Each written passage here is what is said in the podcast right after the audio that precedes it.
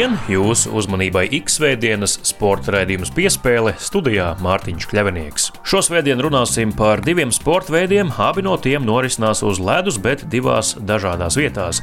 Viens no tiem ir hokejs, kuru spēlē halēs, savukārt ar skeletonu nodarbojas ledus trasēs, jeb tā sauktajās renēs. Sarunāsimies ar Latvijas hokeja virslīgas čempionu Olimpu Vēnta 2002 treneru Aigaru Ciprusu, kurš savu komandu tieši šonadēļ aizveda aizveda līdz vienības vēsturē pirmajām zelta medaļām Latvijas čempionātā. Savukārt raidījuma otrajā daļā ciemos būs supermens un pasaules skeletona izcilnieks Mārtiņš Dukurs, bet tas viss jau pēc pavisam īsa brīža.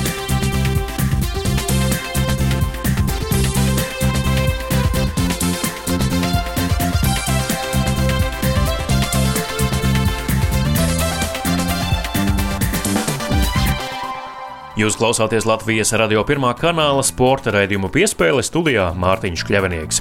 Latvijas hokeja čempionāta fināla sērija šonadēļ noslēdzās ar vienības Olimpa Vēnta 2002 triumfu četrās spēlēs, kas bija mazākais iespējamais maču skaits, kādā kāda no komandām varēja triumfēt vietējā virslīgā.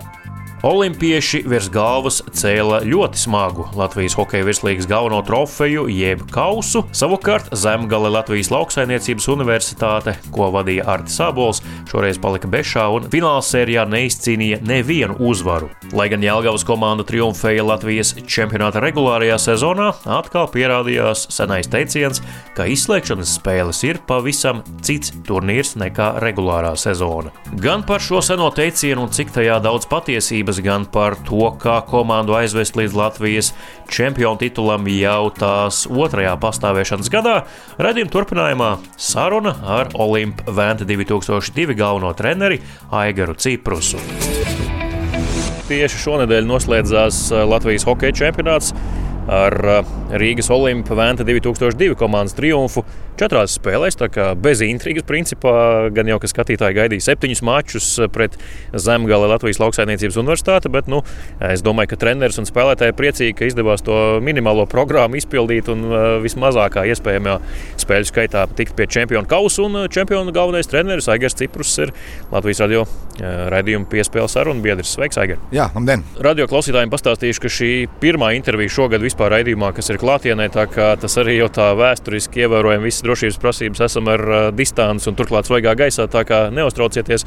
Bet prieks, ka beidzot var parunāt ar kādu acu par tādu arī īstajā dzīvē. Aigar, vai šampanietis jau, kā sakot, aizmirsts, nomazgāts, izdzerts un uh, emocijas norimušas? Jā, visas vis lietas, kas saistās ar uh, galvilēm un ar svinēšanu, tā, iet tā kā jau uz uh, beigu pusi. Ja, protams, kad ir jau emocijas un uh, teiksim, spēlētāji savā starpā vēl kaut kur kaut kā tiekās un, un, un noteikti tā, vēl novērtē un izvērtē to padarīto darbu. Un, uh, vēl, protams, kaut kāds laiciņš, es domāju, ka tas nav divu, trīs dienu jautājums. Un, uh, atgādinājums par to, ka, kad, kad tas ir beidzies, protams, tas nebūs tik ātri. Un vienkārši spēlētāji, protams, ka vēl kaut kādu laiciņu, kas saka, gan pasvinēs, gan arī izbaudīs šo laiku kur kauss pie kā glabājas šobrīd? Kauss eh, glabājas pie kapteiņa. Ir pie Pujāts, eh, kā plānojās noteikti spēlētāji. Eh, nepateikšu teiksim, precīzi laika ziņā, cik Latvijas Hokeja Federācija ir atļāvusi teiksim, paturēt, jā, bet principā ir puikas, kas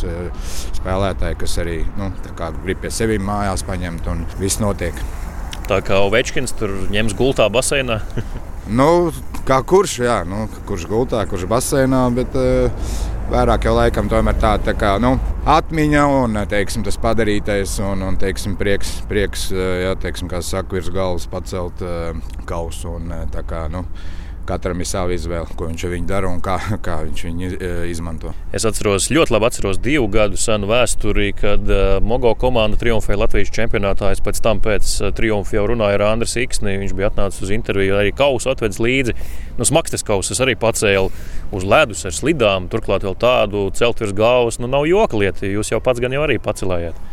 Jā, patiešām tā, man varbūt kaut kur bija tas bija negaidīts, jo nebija celts un nebija teiksim, tas kauss turēts rokās. Bet jā, jā patiešām pat, pat kādi 25, 30 kg viņš sver. Un, un, un, teiksim, tas nav tāds cēliens vieglā smaidā. Tā, tas kauss ir patiešām smags un, un ir jāpieliek spēks, lai to paceltu.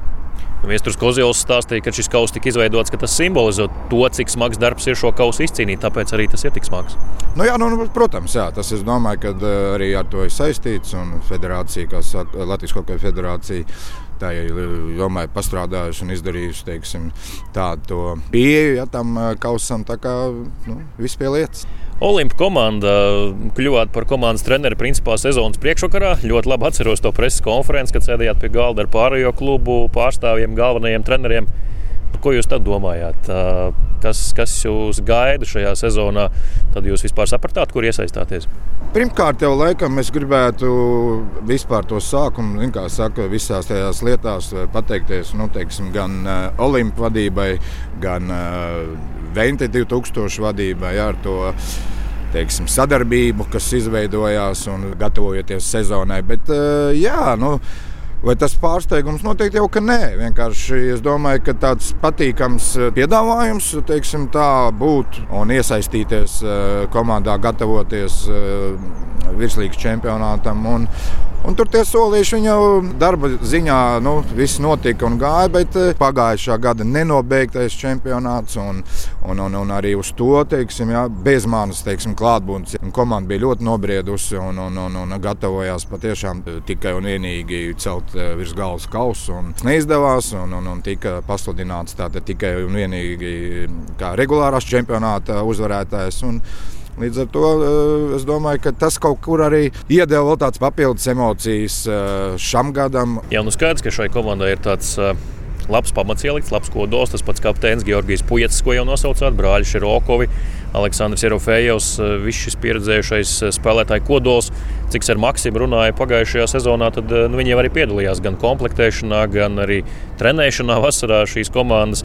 Jūs jau laikam Latvijas televīzijā uzreiz pēc triumfa teicāt, ka nebija jau jābūt tādam trenerim, kas tagad ar pātagu visu saliks pa vietām. Tā tāda spēlējoša komanda viņai jāļauj spēlēt. Viennozīmīgi. Te atkal, ja mēs vērtējam nu, teiksim, tā, to visu darbu un teiksim, treniņu procesu, un nu, arī mēs to apzināmies, spēlētāji nu, tādā kopējā, ja teiksim, nevaram globāli nosaukt ja, par profesionāļiem, jo principā viņi ir, ir profesionāļi, protams, savas lietas darītāji, bet eh, daudziem jau ir eh, teiksim, tā, papildus darbi. Un, eh, ar tādu pieredzi un ar tādiem spēlētājiem, nu, kas saka, neiet runa par kaut kādu pātagu vicināšanu un vēl kaut ko. Vienkārši tāda kopējā valoda, kaut kāds treniņu process sastādīts un dot iespēju izbaudīt ja, teiksim, to, ko viņi dara. Tie galvenie punkti, jo nu, uz čempionāta beigām es varētu teikt, ka tas palika tā profesionāli. Jau mēs ja, pēdējos gandrīz divus mēnešus stipri un pastrādājām, gatavojoties mm, playoffiem.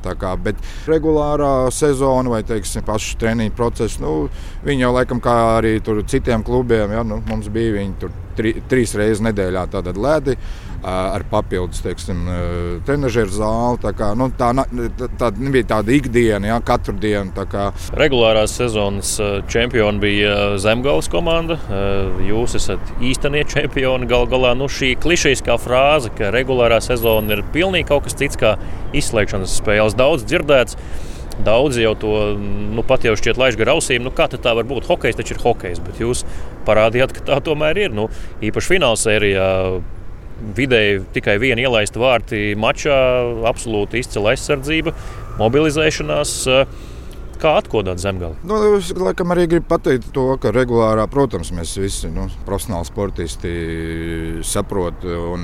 Nav tā, ka teiksim, mēs negribējām minēt regulāro čempionātu arī tāpatās tam gatavojāmies un, un gājām no spēles uz, uz spēli un, uh, ar mērķi vinnēt regulāro čempionātu. Bet uh, jā, kaut kur līdz galam novērtēts pretinieks, jā, jo bija tādi sāpīgi zaudējumi gan no HS Rīgas.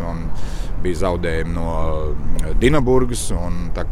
Tas viss uh, liek kopā. Un, un es domāju, ka te ir tāda arī svarīga punkta, ka nu, izanalizējot, izdarot pareizus teiksim, secinājumus un no tām zaudētām spēlēm saprotot, ka uh, katra spēle ir jāmobilizējas, jā, ir jākoncentrējas. Tas nav tā, ar, ar kā saka, vienu un brīvu slidojumu izdarāms. Savā starpā runājām un izrunājām. Un, Bet nu, te ir arī, es gribu nu, arī Zemgājas komandu teiksim, tā, paslavēt par to, ka nu, patiešām tāda jauna, azartiska nu, komanda un, un rezultāts finālā, protams, viņš ir pārliecinošs. Bet, uh, Es domāju, ka nu, tas spēles nebija vieglas. Viņas visas bija tā, cīņas parā un, un vienu vārtu, divu vārtu atstarpē. Tā tā, tās ir tādas situācijas, kur uh, jebkura komanda gūstot vārdus var pamainīt to spēles ritmu un tā tālāk. Bet uh, es saku, liels, liels tāds nu, gods un, un teiksim, tāds patiešām par, par spēlētājiem, par Paulim spēlētājiem. Kad,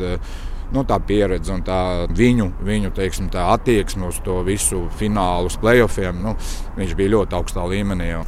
Par spēlētājiem drusku arī pāranalizēsim vēl par treneru korpusu. Jūs un Jurijs Agurēkins, cik jums palīdzēja tas pats uh, Georgijas Pujetas, brāļš Rokovs, Aleksandrs Erofejovs tādos taktiskos risinājumos, uh, tā izstrādē, kā spēlēt pret komandu, pret pretinieku? Uh, jā, Mēs visi kopā, mēs visi kopā, gan uh, treneri, gan spēlētāji, pirms uh, paša fināla ja, izanalizējām un, un, un izvērtējām zemgāles spēli.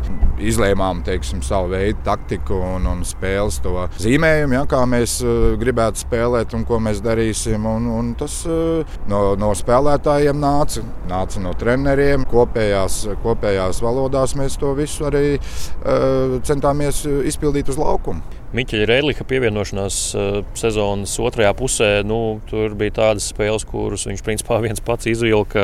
Ja runājam par vārtu gūmiem, piespēlēm, cik liels bija Miķeļa devums, neredzot to, kas ir statistikā atainojams. Lieki runāt, no to parādīja spēle. Un, protams, ka Miķeļa bija ļoti liels teiksim, pienesums un devums komandai. Bet nevis viens spēlētājs, bet tomēr tā ir komanda. Un, protams, ka katrs spēlētājs cenšas maksimāli parādīt labāko spēli Un eh, šeit, laikam, jau, jau saku, protams, Miķeļa darbs eh, ir eh, liels, bet visa maiņa, ja, teiksim, gan Kirillis Galoha un Fjodors Jarvinskis, nu, viņi patiešām tādu, kā lai pasakā, mēs izveidojām tādu triecienu maiņu, kur nu, bija tīkami baudīt viņu spēli. Un... Par labajiem tēliem parunājām, jāparunā arī par netik labajiem tēliem arī publiskajā telpā pēc fināla sērijas runāts daudz, ne tikai pēc fināla sērijas, arī sezonas laikā.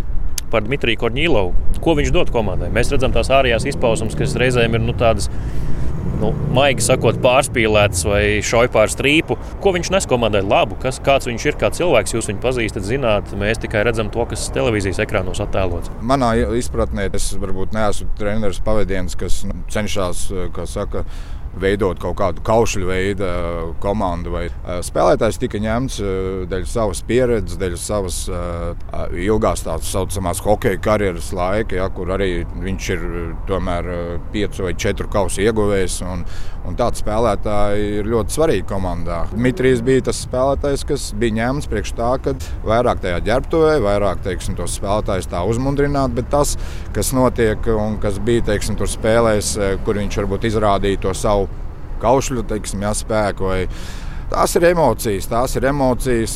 Tas nav tā, ka spēlētājs uh, viennozīmīgi teiksim, grib kādu traumēt vai ko. Vienkārši, nu, Tās bija emocijas, tās ir tāda nervu spēle, tas fināls.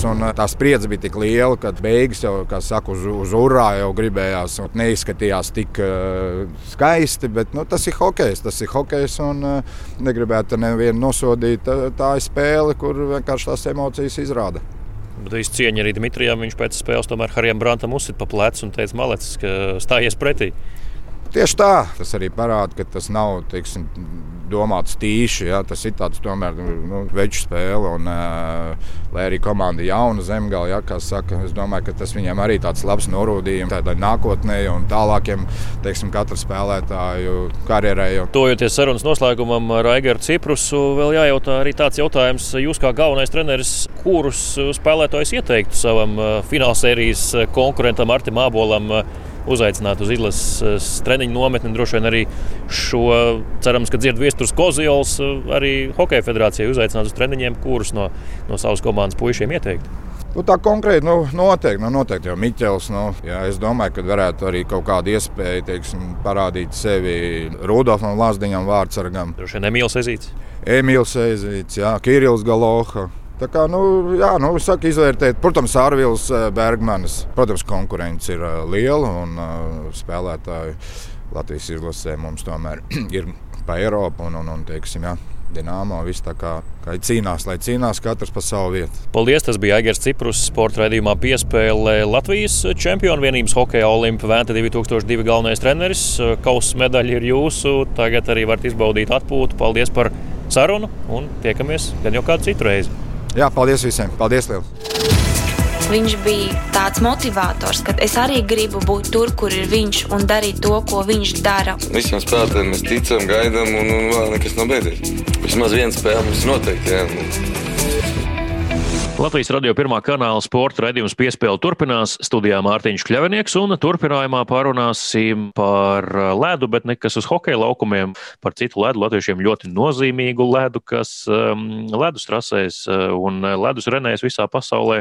Un par skeletonu parunāsim raidījumu turpinājumā ar Latvijas labāko titulētāko skeletonistu un joprojām numur viens Latvijā Mārtiņu Dukuru. Sveiks, Mārtiņ! Sveicināti, labdien! Jā, nu nekas nav mainījies, joprojām tu esi numur viens, joprojām uh, super supermens joprojām to vezumu velc uz saviem pleciem. Jūties joprojām kā tāds skeletona pionieris Latvijā, joprojām visus šos gadus. Teiksim, ja rezultātu ziņā skatās, tad jā, ir ok, bet uh, nav tā, ka es par to domāju vai, vai ka tas man kaut kādā veidā tur ir, nu, teiksim, ir svarīgi vai es to pieminu. Cenšos neskatīties uh, atpakaļ, bet vairāk tā kā uz priekšu, jo man liekas, tā ir diezgan liela kļūda kavēties baigi atmiņās. Un, un Un, ir forši, foršs laiks uh, bijis, un esmu gājis cauri, un ir bijis uh, priecīgi brīži, un ne tik priecīgi, bet tas viss piederās pie lietas. To tev dzīve gadu gaitā iemācījusi šādu tās uztveri, vai tu grāmatas varbūt daudz esi lasījis filozofisks, ka tā varbūt labāk savu prātu virzīt tikai uz priekšu, nevis ar skatu atpakaļ. Kā tu nonāci līdz šādai pozīcijai? Es kaut kur kaut kādā intervijā izlasīju, ka tā ir baigākā kļūda, ka cilvēks eh, balstās baigus pagātni. Degradēšanās ir pa skarbu teikts, bet tāda varbūt nu, tur nav attīstības. Un, un tāpēc eh, vispār, lai attīstītos, eh, man liekas, ir baigi svarīgi tomēr izslēgt eh, to pagātni. Nu, jāmēģina no pagātnes, eh, nu, teiksim, es cenšos no pagātnes paņemt kaut kādas uh, lietas, lai neatkārtotos, varbūt, kur ir bijušas kļūdas, attiecīgi tādā veidā, bet tā, ka balstīties rezultātu ziņā, ka tur kaut kas iznācis un tāpēc tas ir. Nu, būs arī turpmāk tā, vajag, vajag viss īpaši sportā mainīgs un īpaši šajā nianšu sporta veidā, kur viss notiek uz simtaļām tas, tas viss ir baigi vainīgi. Bet uh, druskuļi arī šīs intervijas laikā paskatīsimies atpakaļ. Tas mums, diemžēl, ir jādara vai par laimi jādara, lai analizētu un ieskatītos druskuļi, kas varētu projicēties tavā tuvākajā nākotnē. Par pagājušo sezonu šeit netirzāsim rezultātus, kādi tie bija, kurās sacensībās, kurā vietā finišēja. Tas sausais atlikums no pagājušās sezonas, ko tu paņēmi līdzi uz Olimpisko sezonu, kas bija labs, kas tev noderēs un kas nu, izkristalizējās kā tāds zelta grauds, ko ņemt līdzi kabatā uz Pekinu? Mm, viena lieta, jā, ļoti raiba sezona, baigi, teiksim, tāda rezultātu ziņā interesanta un arī tāda um, sportisko rezultātu ziņā tāda saudabīga. Iesākās ar Siguldu, Forši, jā, tur um, baigi veiksmīgi un tad attiecīgi atkal Īgulsā, atkal varētu teikt, tā bija tāda mana izteikta mana trase un kaut kā pārāk veiksmīgi viss sākumā salikās, nestoties to, ka brauc ar pilnīgi jaunu kamanu, kur patiesībā nemaz, nu, tik labi neskrēja, tā kā bija vēl jāpilnveido. Tad sāku tur arī mainīt tās kamanas un pazaudēju ritmu, braukšanas sajūtas, un tad kaut kā viss aizgāja uz leju. Tas, ko es noteikti varu pateikt, tas, ko es sapratu, ka tehniku mainīt nedrīkst. Es sapratu, ka olimpiskā sezona ir jābrauc ar vienu kamanu, jo es izgāju cauri visiem saviem rezultātiem. Arī labākie rezultāti bija attiecīgi, kad es biju ar vienu tehniku. Tas pasaules čempionātā vispār neizskatījās pēc Martina Dukura. Jā, nu nebija, nebija kaut kā ar pirmo braucienu likās, jā, kaut kāds neveiksmīgs brauciens, pēc tam jau, ai, nu, nu, labi, nu, neveiksmīga diena, bet eh, nu, te jau beigās bija tāds eh, iekšējs spīds, to vietu mēģināt izlabot, un tu tikai domā par vienu virāžu, un kaut kā, kaut kā galīgi nedavās rokā. Ar tavu pieredzi milzīgo, nu, kam tu esi gājis cauri gan eh, Olimpiskajās spēlēs, pasaules, Eiropas čempionātos, visaugstākā līmeņa spriedzes sacensībās, tiešām vēl joprojām tas tārpiņš var ielīst galvā un sabojāt to visu tā viena neveiksmīgā virāža. Tev var graust un graust un sagraust? Nu, redz, ka var redz, ka var, bet uh, tas tā varbūt nav viena sacensība. Īstenībā jau Mēs ar to virāžu cīnāmies, es nezinu, kādus 5, 6 jau vienkārši nevaram rast nekādu tādu kaut kādu vidusceļu. Kaut vai mēs esam gatavi kaut kādam kompromisam vidusceļam, bet tur, tur nav. Jo pa šiem gadiem kaut vienam braucienam bija labi jāsanāk. Gan jau nākamgad arī būs iespēja vēl viens mēģinājums būs. Lai cik pravietiski vai nē, bet uh, es ar Daini, tavu tēvu Dainu Dukuru un arī treneri runāju septembrī par šo un to. Un viņš teica, vēlns atkal tā Altenberga. Man nav labas sajūtas. Tur nebūs labi. Viņš tā, nu, tā starp citu, pateica jau toreiz to. Nu, jā, jā, mums kaut kā Altenberga pēdējā laikā, ja tā ir tā trase, kur mēs vispār bez Siguldas uzsākām savas sportistu vairāk vai mazāk karjeras, un, un it kā viszināmākā trase, tad baigi viņveidīgi. Citreiz no rokas, citreiz baigās mocības, un uh, laiks tāpatās nu, kaut, kur, kaut kur izpaliek. Trauma sezonas laikā to arī Latvijas radio pirms brauca uz Sočiem pastāstīja, ka ab, abduktoru muskulis, ja tev sagaidāja problēmas uh, jau sezonas otro daļu, cik liels faktors tas bija vispār tai sezonas izskaņai, kāda tā bija? Uh, noteikti es jau decembra beigas, nu, principā uz otro pasaules kausa Īglesā sajūtu, pa daudz pats novilku garumā, pēc Īgles īsti nepalika labāk, tad sapratām, ka kaut kas ir jādara. Un, paldies tur Olimpiskajai vienībai un Orto. Ziemassvētku laikā atrada laiku, izmeklēja, un tur uzreiz bija skaidri un gaiši pateicis, ka tur uzreiz ir jāveic injekcijas, un tur gaidīt, vilcināties nedrīkst.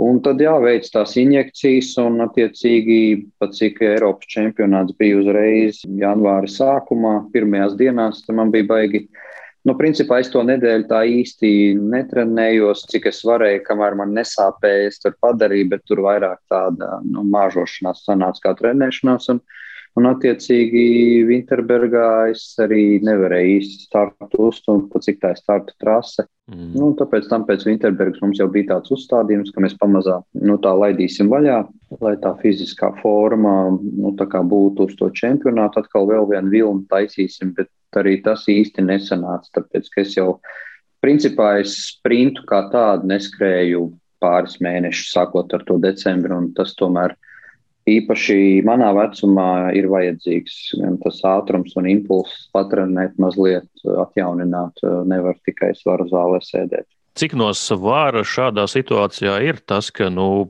vispār zināmā Latvijas eh, sportistu finansēšanas situācija, tieši individuālo sportistu Latvijas Olimpiskā vienība, tas, ka tev kā sakot, uz vienas kājas pusklibam ir jāmetās tajā Eiropas čempionātā un, un tie maizes mači jānobrauc, lai nākamajai sezonai būtu finansējums. Tas bija no svara vai tas Dukuru ģimenei nav tik ļoti svarīgi vairs šajā karjeras posmā? Protams, ka ir svarīgi un tas atbalsts ir salīdzinoši, nu, ir jūtams. Un tāpēc, protams, arī startējām. Bet tas ir viens, un, un protams, ja, ja ir trauma, es izstātos visdrīzāk uh, ka ir arī nu, Olimpiskā vienībā pietiekami saprātīgi cilvēki, un uh, viņi saprastu, ka ir trauma un vienkārši ir tāda situācija, un ka to finansējumu es domāju, ka piešķirtu. Bet uh, man iekšēji bija tā, ka es negribēju stāties ārā, jo man nelikās, ka ir tik slikti, ka ar visu to es tāpatās, ja es varu trīniekā būt Eiropas čempionātā, es esmu apmierināts. Un, mm. un tāpēc man likās, nu, kā būs, tā būs, es startēšu. Un, un tāpēc mēs, mums, mēs uzlikām tādu iekšēju pašmērķi, izturam to Eiropas čempionu.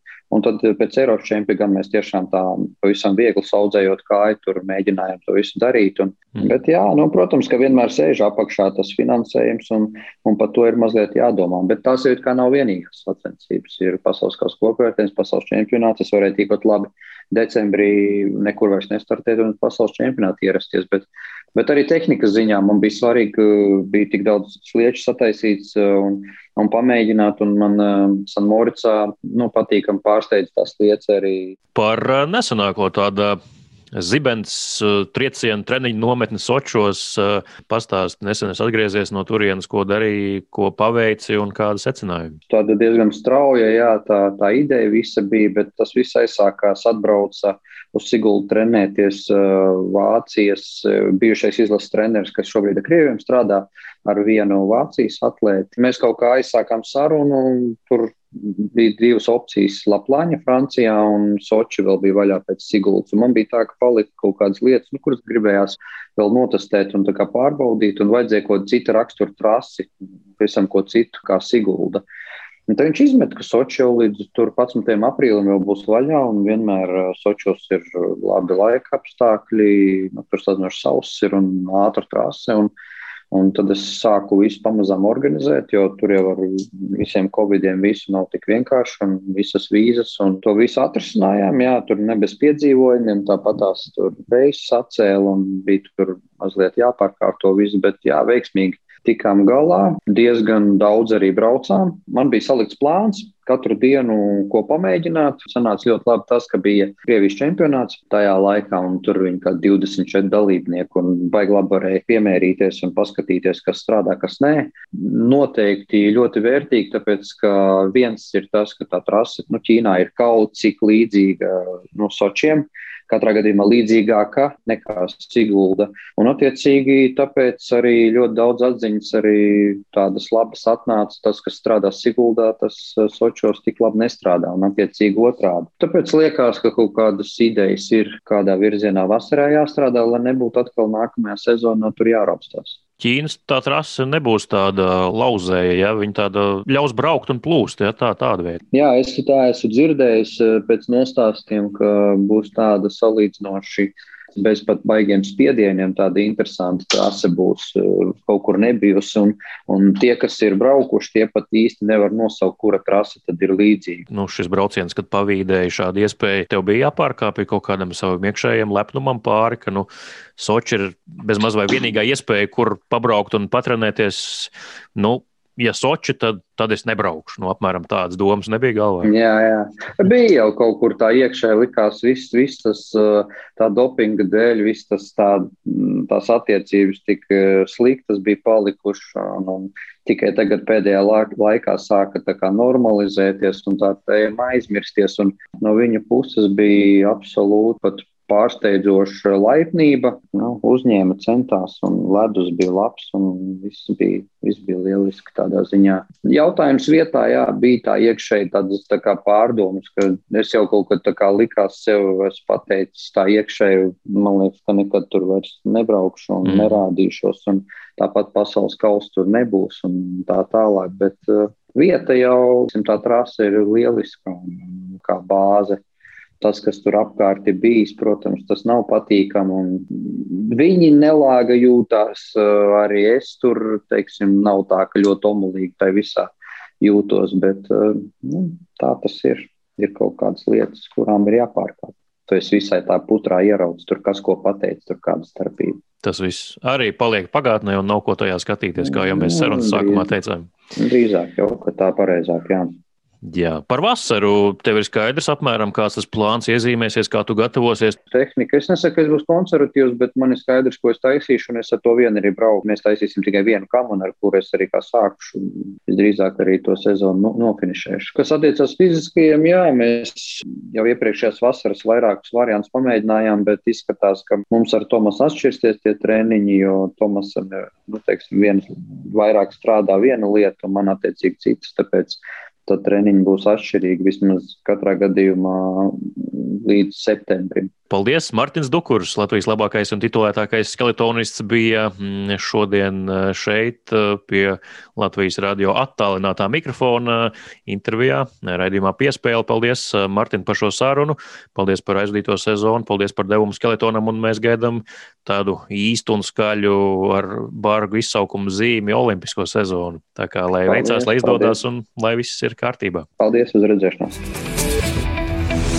Līdz ar to šoreiz arī izskan Latvijas radio pirmā kanāla sporta raidījums piespēle. Šo raidījumu veidoju un vadīju es, Mārtiņš Kļavinieks, par labskaņu, kā vienmēr parūpējās Nora Mītspapa. Pirms atvados vēl tikai vēlos atgādināt, ka raidījumu piespēle meklējiet arī jebkurā sev ērtā raidierakstu jeb podkāstu klausīšanās vietnē. Tur šonadēļ atradīsiet arī garāku sarunu ar Mārtiņu Dukuru. Viņš atbildēs uz tiem jautājumiem, kas šodien neizskanēja Latvijas radioēterā.